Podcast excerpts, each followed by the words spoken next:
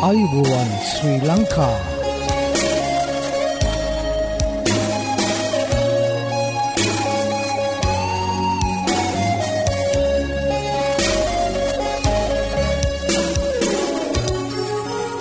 ඔබට සුපදස මේ ඇඩවෙන්ටිස් වර්ල් රේඩියෝ බලාපොරොත්වය හඬයි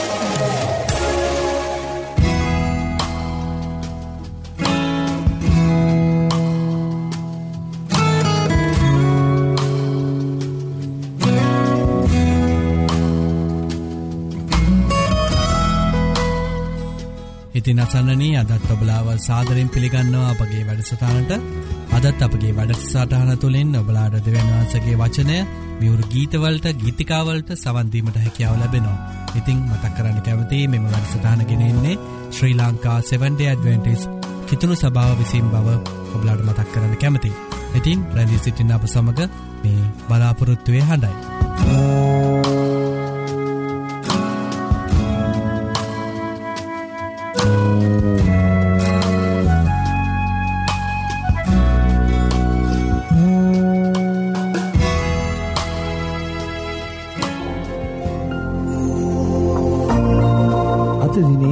බයිබල් පාටය මාගේ ආත්මය ස්වාමින්ට ප්‍රශංසා කරව.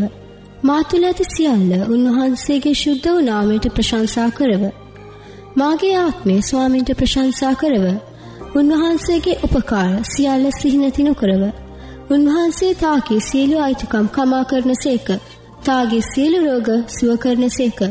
තාගේ ජීවිතය විනාශයෙන් මුදා කරුණා ගුණ හාදායාව නැමැති ඔටුන්නෙන් තා සරසන සේක. ගීතාවලිය එකසිය තුනේ එකේ සිට හතර දක්වා.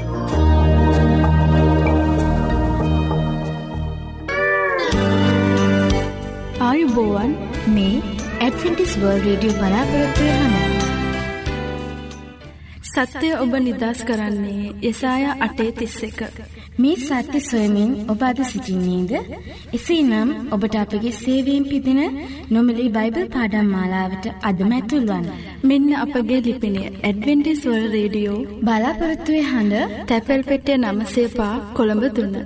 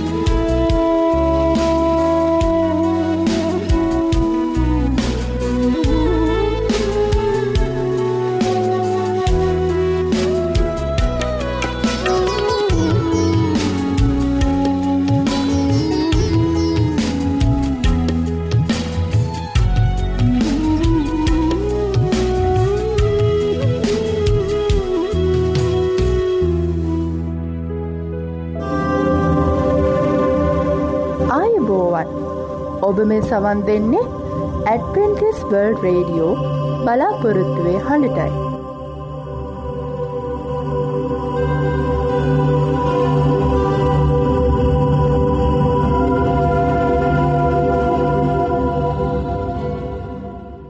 ධෛර්ය බලාපොරොත්තුව ඇදහිල්ල කරුණාවසා ආදරය සූසම්පති වර්ධනය කරමින් ආශ් වැඩි කරයි. මේ අත්හදා බැලිමිට ඔබ සූදානන්ද එසේනම් එකතුවන්න ඔබත් ඔබගේ මිතුරන් සමගින් සුවසතර පියමත් සෞඛ්‍ය පාඩම් මාලාවට. මෙන්න අපගේ ලිපිනය ඇඩවෙන්ඩිස්වල් රේඩියෝ බලාපොරොත්තුවේ අඩ තැපැල් පෙටිය නම්සේ පා කොළඹ තුන්න. නැවතත් ලිපිනය ඇඩවෙන්ටිස්වර්ල් රේඩියෝ බලාපොරොත්තුවේ හඬ තැපැල් පෙටිය නමේ බිඳුවයි පහ කොළඹ තුන්න.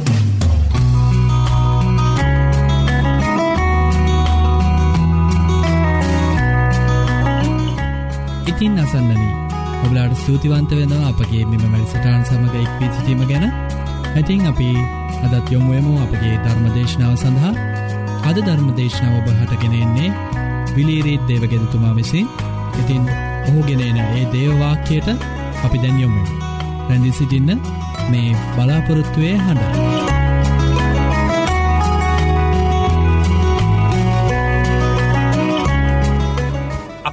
පුත්‍රයෙක් සහ ඉවසිලිවන්ත පියෙක් ගැන යේසුස් වහන්සේ පැවසූ කතාවක් ලූක්තුමාගේ සුභහරංචියයේ පාලුස්වනි පරිච්චේදේ එකොළොස්වනි වගන්තයේ සිට සඳහන් කර තිබෙනවා.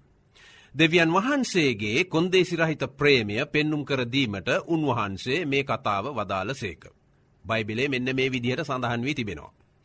තවද උන්වහන්සේ කියන සේක එක්තරා මනුෂ්‍යයකුට පුත්‍රයෝද දෙනෙක් සිටියෝය. ඔවුන්ගෙන් බාලයා පියානෙන ඔබගේ වස්තුයෙන් මට එන කොටස දෙන්නැයි පියාට කීවේය. මේ තරුණ පුත්‍රයාට බොහෝ ප්‍රශ්න තිබුණා. ඔහුගේ නිවස හිරගයක්සේ දැනුණා. ගෙදර නීතිරීති වැඩියයි ඔහු සිතුවා. ඔහුගේ නිදහස් කැමැත්ත ලෙස ක්‍රියා කරන්නට නිදහසක් තිබුණේ නැහැයි කියලා මේ තරුණයා හිතුවා. ඔහුගේ සිතේ කැමැත්ත ලෙස හැසිරෙන්න්නට ක්‍රියා කරන්නට ඉඩක් ලැබුණේ නැහැ. ගෙදරපියා විනය ගුණධර්ම සාරධර්ම අගය කරන පුද්ගලයෙක්ව සිටියා. නොමුත් බාලපුත්‍රයා මේ ඔහුගේ නිදහසට බාධාවක් ලෙසද සැලකුවා. කෙසේ වෙතත් යුතුකම් ඉෂ්ට කරන ඒ දයාවන්ත පියා තමාගේ පුත්‍රයාට අයිති කොටස බෙදා දුන්නේය. එම වස්තුව ලබාගත් පුත්‍රයා නොබෝ දවසකට පසු සියල්ල එකතු කරගෙන දුර රටකට ගොස් අවකල් ජීවිතයක් ගත කරන්නට පටන් ගත්තා. ගෙදර තමාගේ නිදහසට බාධාවක් ලෙස සැලකූ මේ තරුණ පුතා ඈත රටකට ගියේ මෙන්න මේ නිසයි. ගෙදරින් ඈතුවා පමණක් නොවෙයි මවගේ සහපියාගේ ආදරය සහ කරුණාවද ඔහුගෙන් ඇත්තුනා. ඔහුගේ වෙන්වී ෑම ඔවුන්ගේ සිතේ දෙමවපියන්ගේ සිතේ දුකක් ඇතිවීමට හේතු වුණා. දහතුන්ගනි පදෙහි සඳහන් වෙනවා තමාගේ වස්තුව සිතූ මනාපේ හැටියට වියදම් කොට නාස්ති කළ බව. ඉතා අධික මිල ඇති මත් පැන් අන්‍ය ස්ත්‍රීන් සූදුවට වැනි අවකල් ක්‍රියාවල් සඳහා නිදහසේ ඔහු වස්තුව වියදම් කිරුවා. අද සමාජයේ පවා දෙමව්පියන්ට අගහුරුවය කරමින් වෙහෙස මහන්සියෙන් උපයාගත් දෙමව්පියන්ගේ වස්තුව නාස්ති කරන තරුණ තරුණයන් අපාදරේද සිටිනවා. මාතෘ පීතෘ ප්‍රේමය පමණක් නොව දේව ප්‍රේමිය ඔවුන්ට නැතිවී යනවා. එයිට ලෞකික තෘෂ්ණාවලට සිත ඇදී යනවා. සුද්ද බයිබලේ පළවෙනි යුහන් දෙවිනි පරිච්චේදේ පාලස්වනි වගන්තිය මෙන්න මේ විදිහටත් ලියා තිබෙනවාසන්නෙන. ලෝකයටත් ලෝකයේ තිබෙන දේවලටත් ප්‍රේම නොකරල්ලා. යමෙක් ලෝකයට ප්‍රේම කරන්නේ නම් පියණන් වහන්සේ කෙරෙහි ප්‍රේමය ඔහු තුළ නැත. මක්නිසාද ලෝකෙහි තිබෙන සියල්ල එනම් මාන්සේ තෘෂ්ණාවන් ජීවිතයේ අහංකාරකමත් ඇස්වල තෘෂ්ණාවත් පියණන් වහන්සේගෙන් නොව ලෝකයෙන් වෙයි. දෙමව්පියන්ගේ සහ දෙවියන් වහන්සේගෙන් ඇත්වී ලෞකික තෘෂ්ණාවලට බැඳී සිටිය මේ තරුණ පුතා වැඩි කාලයක් එසේ ජීවත් වනේ නැහැ. ලුක්තුමාගේ සුභරංචය පාලොස්සනි පරිච්චේදේ දහතරණි පදෙහි මෙන්න මේ විදිහටත් ලියා තිබෙනවා. ඔහු සියල්ල වියදම් කළ පසු ඒ රටේ මහත් සාගතයක් හටගැනි ඔහුට හිඟවෙන්නට පටන්ගත්තේය. සෑම දිගව ලනුවකම කෙලවරවක් තිබෙනවා සන්නෙනි. ඔහුගේ වස්තුවද මේ ආකාරෙන් නාස්තිවී ගියා. ජීවිතයේ සෑම අතින්ම හිඟකමක් ඔහුට දැනුණා. ඔහු පිරිවරා සිටිය මිතුරන්න ඇත්තුනා. ඔහු පැත්තුූ නිදහසද දැන් ඔහුට කරදරයක් සහ දුකක් ගෙන දෙන බවට ඔහුට වැටහුණා. මුළු ජීවිතයම බංකොලොත් බවට පත් වුණා. දෙමව්පියන්ට අකීකරු වූ දේව කැමැත්තට පිටුපෑ ඔහුට අත් වූයේ මහත් දුකක්ය සියලු සම්පත් තිබුණු ඔහු දුගියෙක් බවට පත් වුණා. ලුක්තුමාගේ සුභහරංචේ පාලුස්වනි පරිච්චේදේ පාලුස්වනි පදෙහි මෙන්න මේ විදිහට තවදුරටත් ලියා තිබෙනවා. එවිට ඔහු ගොස් ඒ රටේ වැසියකුට බැඳුනේය. හෙතම ඌරන්ට ගොදුරු කවන පිණිස තමාගේ කෙත්වල ඔහු යැවීය. මෙම තරුණ පුත්‍රයාට ඌරන් බලාගන්නට සහ ඔවුන්ට පෝෂණය කරන්නට සිදු වුණා. ඌරන්ට අවශ්‍ය තරම් ආහාර තිබුණට ඔහුට ආහාර හිඟවිය. කිසිවෙක් ඔහුට දුන්නේ නැහැ. කුසගින්න නිවාගන්නට ඌරන්ගේ ආහාර කන්නට ඔහු කැමැති වුණා.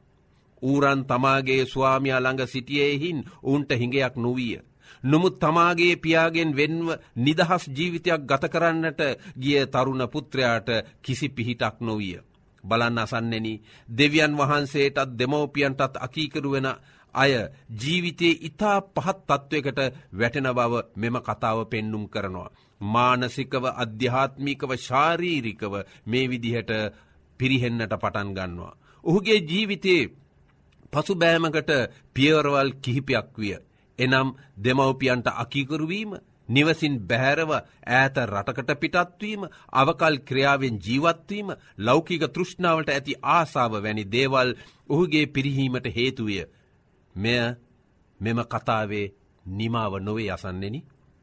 දහත්වනි පදේ සඳහන් වෙන්නේ ඔහුගේ ජීවිතයේ ධනාත්මක පැත්තයි. ඔහුට යම් වැටහීමක් මෙම කටුක ජීවිතය තුළින් ඇති වුණා. බයිබලය මෙන්න මේ විදියට පවසනවා. එහෙත් ඔහු සිහි උපදවා කතාකොට මාගේ පියාණන්ගේ කුලිකාරයන් එපමණ දෙනකුට ඕනෑවට වඩා කෑම තිබිද්දි මම මෙහි බඩගින්නේ නසිමි. ඔහුට ඔහුගේ මෝඩ ක්‍රියාව මතක් වුණා. ලෞකික තෘෂ්ණාවෙන් යුක්තිය ප්‍රේමිය කීකරුකම වසන් කරනවා. ඔහුට පියාගේ ප්‍රේමය කරුණාව මතක් වුණා. ඔහුගේ පියා ගැන හරි අවබෝධයක් මේ මොහොතේදී ඔහුගේ සිතේ ඇති වුණා.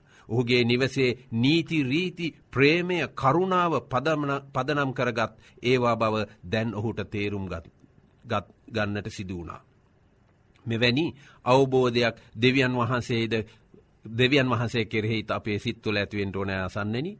උන්වහන්සේ අපට කොන්දේසි රහිතව ප්‍රේම කරන බව ඒත්තු ගැනීම යහපතක් එය අපේ සිත්වල ඇතිකරවනවා. මෙයයි මේ කතාව තුළින් යේසුස් වහන්සේ අසන්නන්ට මේ විදිහට සිතේ ධාරණය කරගන්නට මේ කතාව කියවුණු ලැබිය. මෙම අවබෝධය ඔහු තුළ ඇති වූ විට ඔහු තිරණාත්ම මොහොතකට පැමිණිය.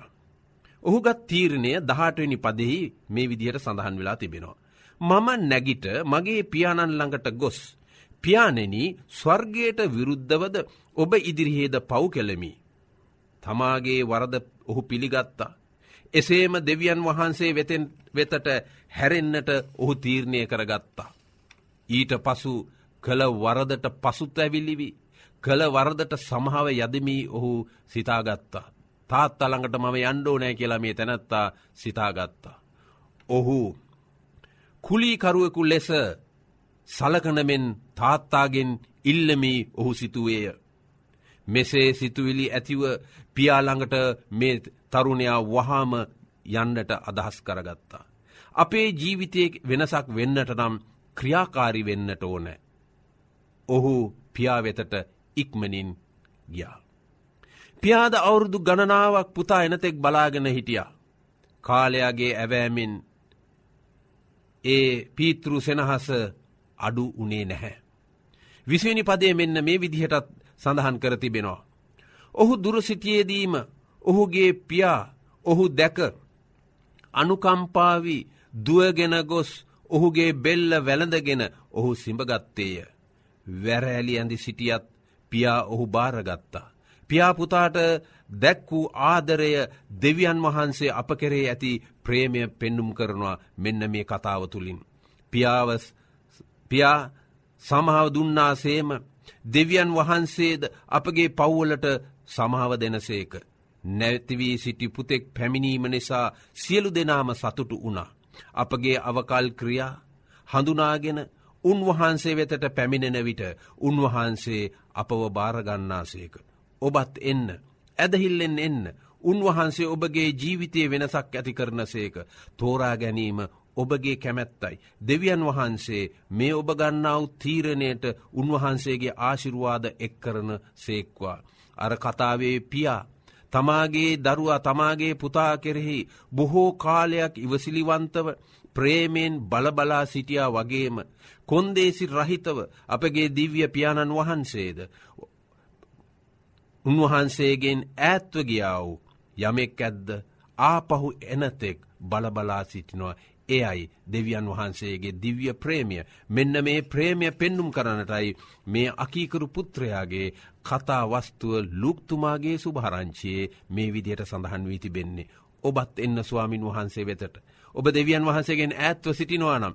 උන්වහන්සේ වෙතට පැමිණ ස්වාමීණී මගේ අවකල් ක්‍රියාවල් මම ඒත්තු ගන්නවා මට සමහාවෙන්ට මගේ ජීවිතය අලුත් කරගන්න මාව පිළිගන්න කියලා හිතලා අපි ක්‍රියාකාරිව ඇදහිල්ලෙන් යුක්තව උන්වහන්සේ වෙතට දෙන්නේද උන්වහන්සේ ප්‍රතික්ෂේප කරන්නේ හැ යේසුස් වහන්සේ කියනවා මා වෙතට පැමිණෙන කිසි කෙනෙක් මම ප්‍රතික්ෂේප කරන්නේ නැත.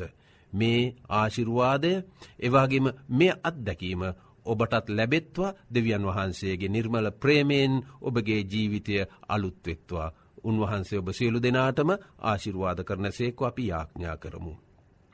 අපගේ මහොත්තම දෙවි පියානෙනී ඔබහන්සේ සියලුම මනුෂ්‍යයන්ට තරාතිරම් නොබලා ඔබහන්සේ උන්ට ප්‍රේම කරණි සත් ස්තුතියි නොෙක් වර්දවල්වලට පත්ව සිටින්නාව අයට සමහව දෙන්නාව ඔබ වහන්සේ සමහව දෙනවා පමණක් නොව සුද්ධහත්මයණන් වහන්සේගේ බලයෙන් ඔවුන්ගේ ජීවිත අලුත් කරන්නට ඔබහන්සේ බලාපොරොත්තුවෙන් සිටි නිසාද ස්තුතිවන්ත වේවා.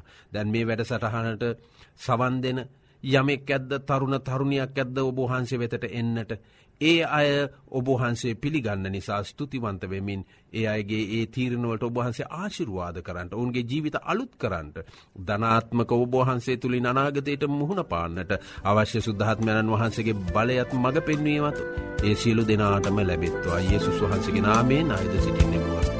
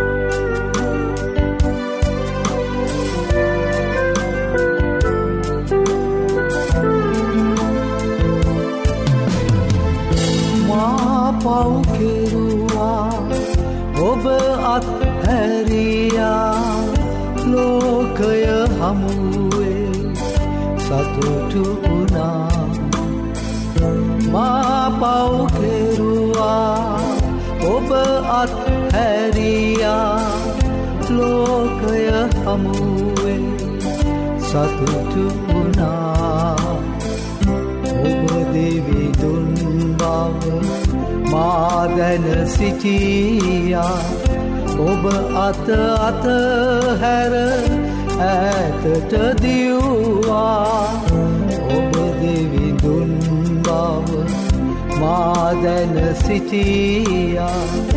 ඔබ අත අත හැර ඇතට දියවා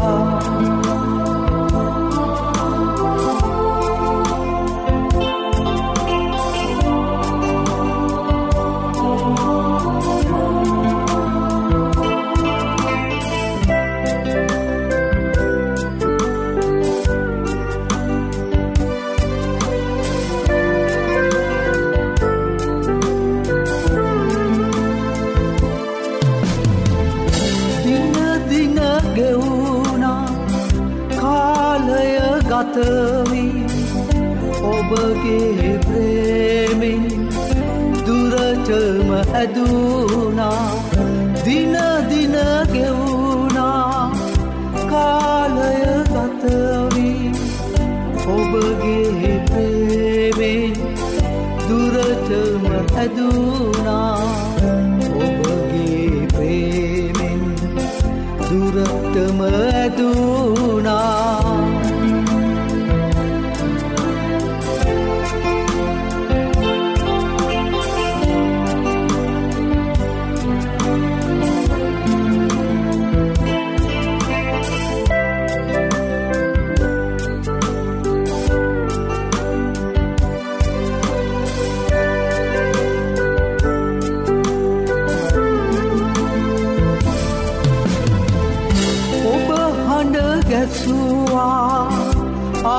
පසු හැරෙන්ට ඔබ පැවසුවා. පාපෙන්නි දෙන්නට ඔබ හඬ දැසුවා. ආපසු හැරෙන්ට ඔබ පැවසුවා. පාපෙන්නි දෙන්නට ඔබ පැවසුවා. පාපෙන්නි දෙන්නට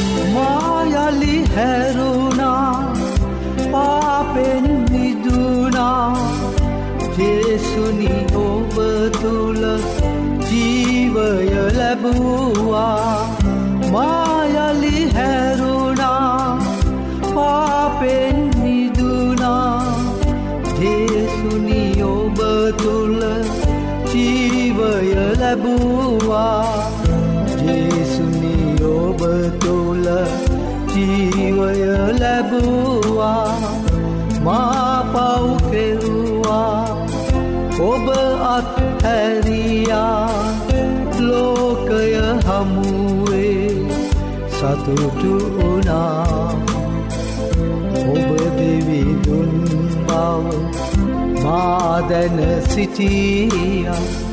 ඔබේ අත අත හැර ඇතට දියවා ඔබේ අත අත හැර ඇතට දියවා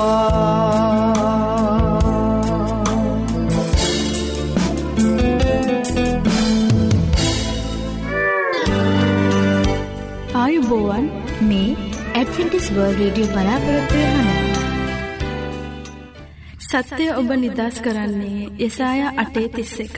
මේ සත්‍ය සොයමින් ඔබ අද සිසිින්නේද එසේ නම් ඔබට අපගේ සේවීම් පිදින නොමලි බයිබල් පාඩම් මාලාවට අදමැතුල්වන් මෙන්න අපගේ ලිපිනේ ඇඩවෙන්ටිස්වල් රේඩියෝ බලාපොරොත්තුවය හඬ තැපැල් පෙටිය නමසේපා කොළඹ දුන්න. අපේ මෙ වැඩසටාන තුළින් ඔබලාට නොමිලේ ලබාගත හැකි බයිබල් පාඩං හා සෞඛ්‍ය පාඩම් තිබෙනවා. ඉතිං ඔබලා කැමතිනං ඒවට සමඟ එක්වෙන්න අපට ලියන්න. අපගේ ලිපින ඇඩවෙන්ටිස් වර්ල් රඩියෝ බලාපොරත්තුවය හඬ තැපැල් පෙට්ටිය නමසය පහ කොළඹ තුන්න මම නැවතත් ලිපිනීමතක් කරන්න ඇඩවෙන්ටිස් වර්ල් රඩියෝ බලාපොරත්තුවය හඬ තැපැල් පෙට්ටිය නමසය පහ කොළඹ තුන්න ඒවගේ මබලාට ඉත්තාමත් සූතිවන්ත වෙනවා. අපගේ මෙම වැඩසටාන දක්කන්නව ප්‍රතිචාර ගැන අපට ලියන්න. අපගේ මේ වැඩසටාන් සාර්ථය කර ගැනීමට බලාගේ අදහස් හා යෝජනාවට අවශ්‍ය අදත් අපගේ වැඩසටානය නිමාව කරාලඟාව තිබෙනවා. ඉතිං පුරා අඩහෝරාව කාලයක් අප සමඟ රැඳී සිටියඔබට සූතිවන්ත වෙන අතර හෙටදිනියත් සුපුරෝධ පරිත සුපුරෘදු වෙලාවට හමුවීමට බලාපොරොත්තුවයෙන් සමුගන්නාම ක්‍රස්ත්‍රිය එකනායක ඔබට දෙවියන් වහන්සේගේ ආශිර්වාදය කරුණාව හිමියේවා.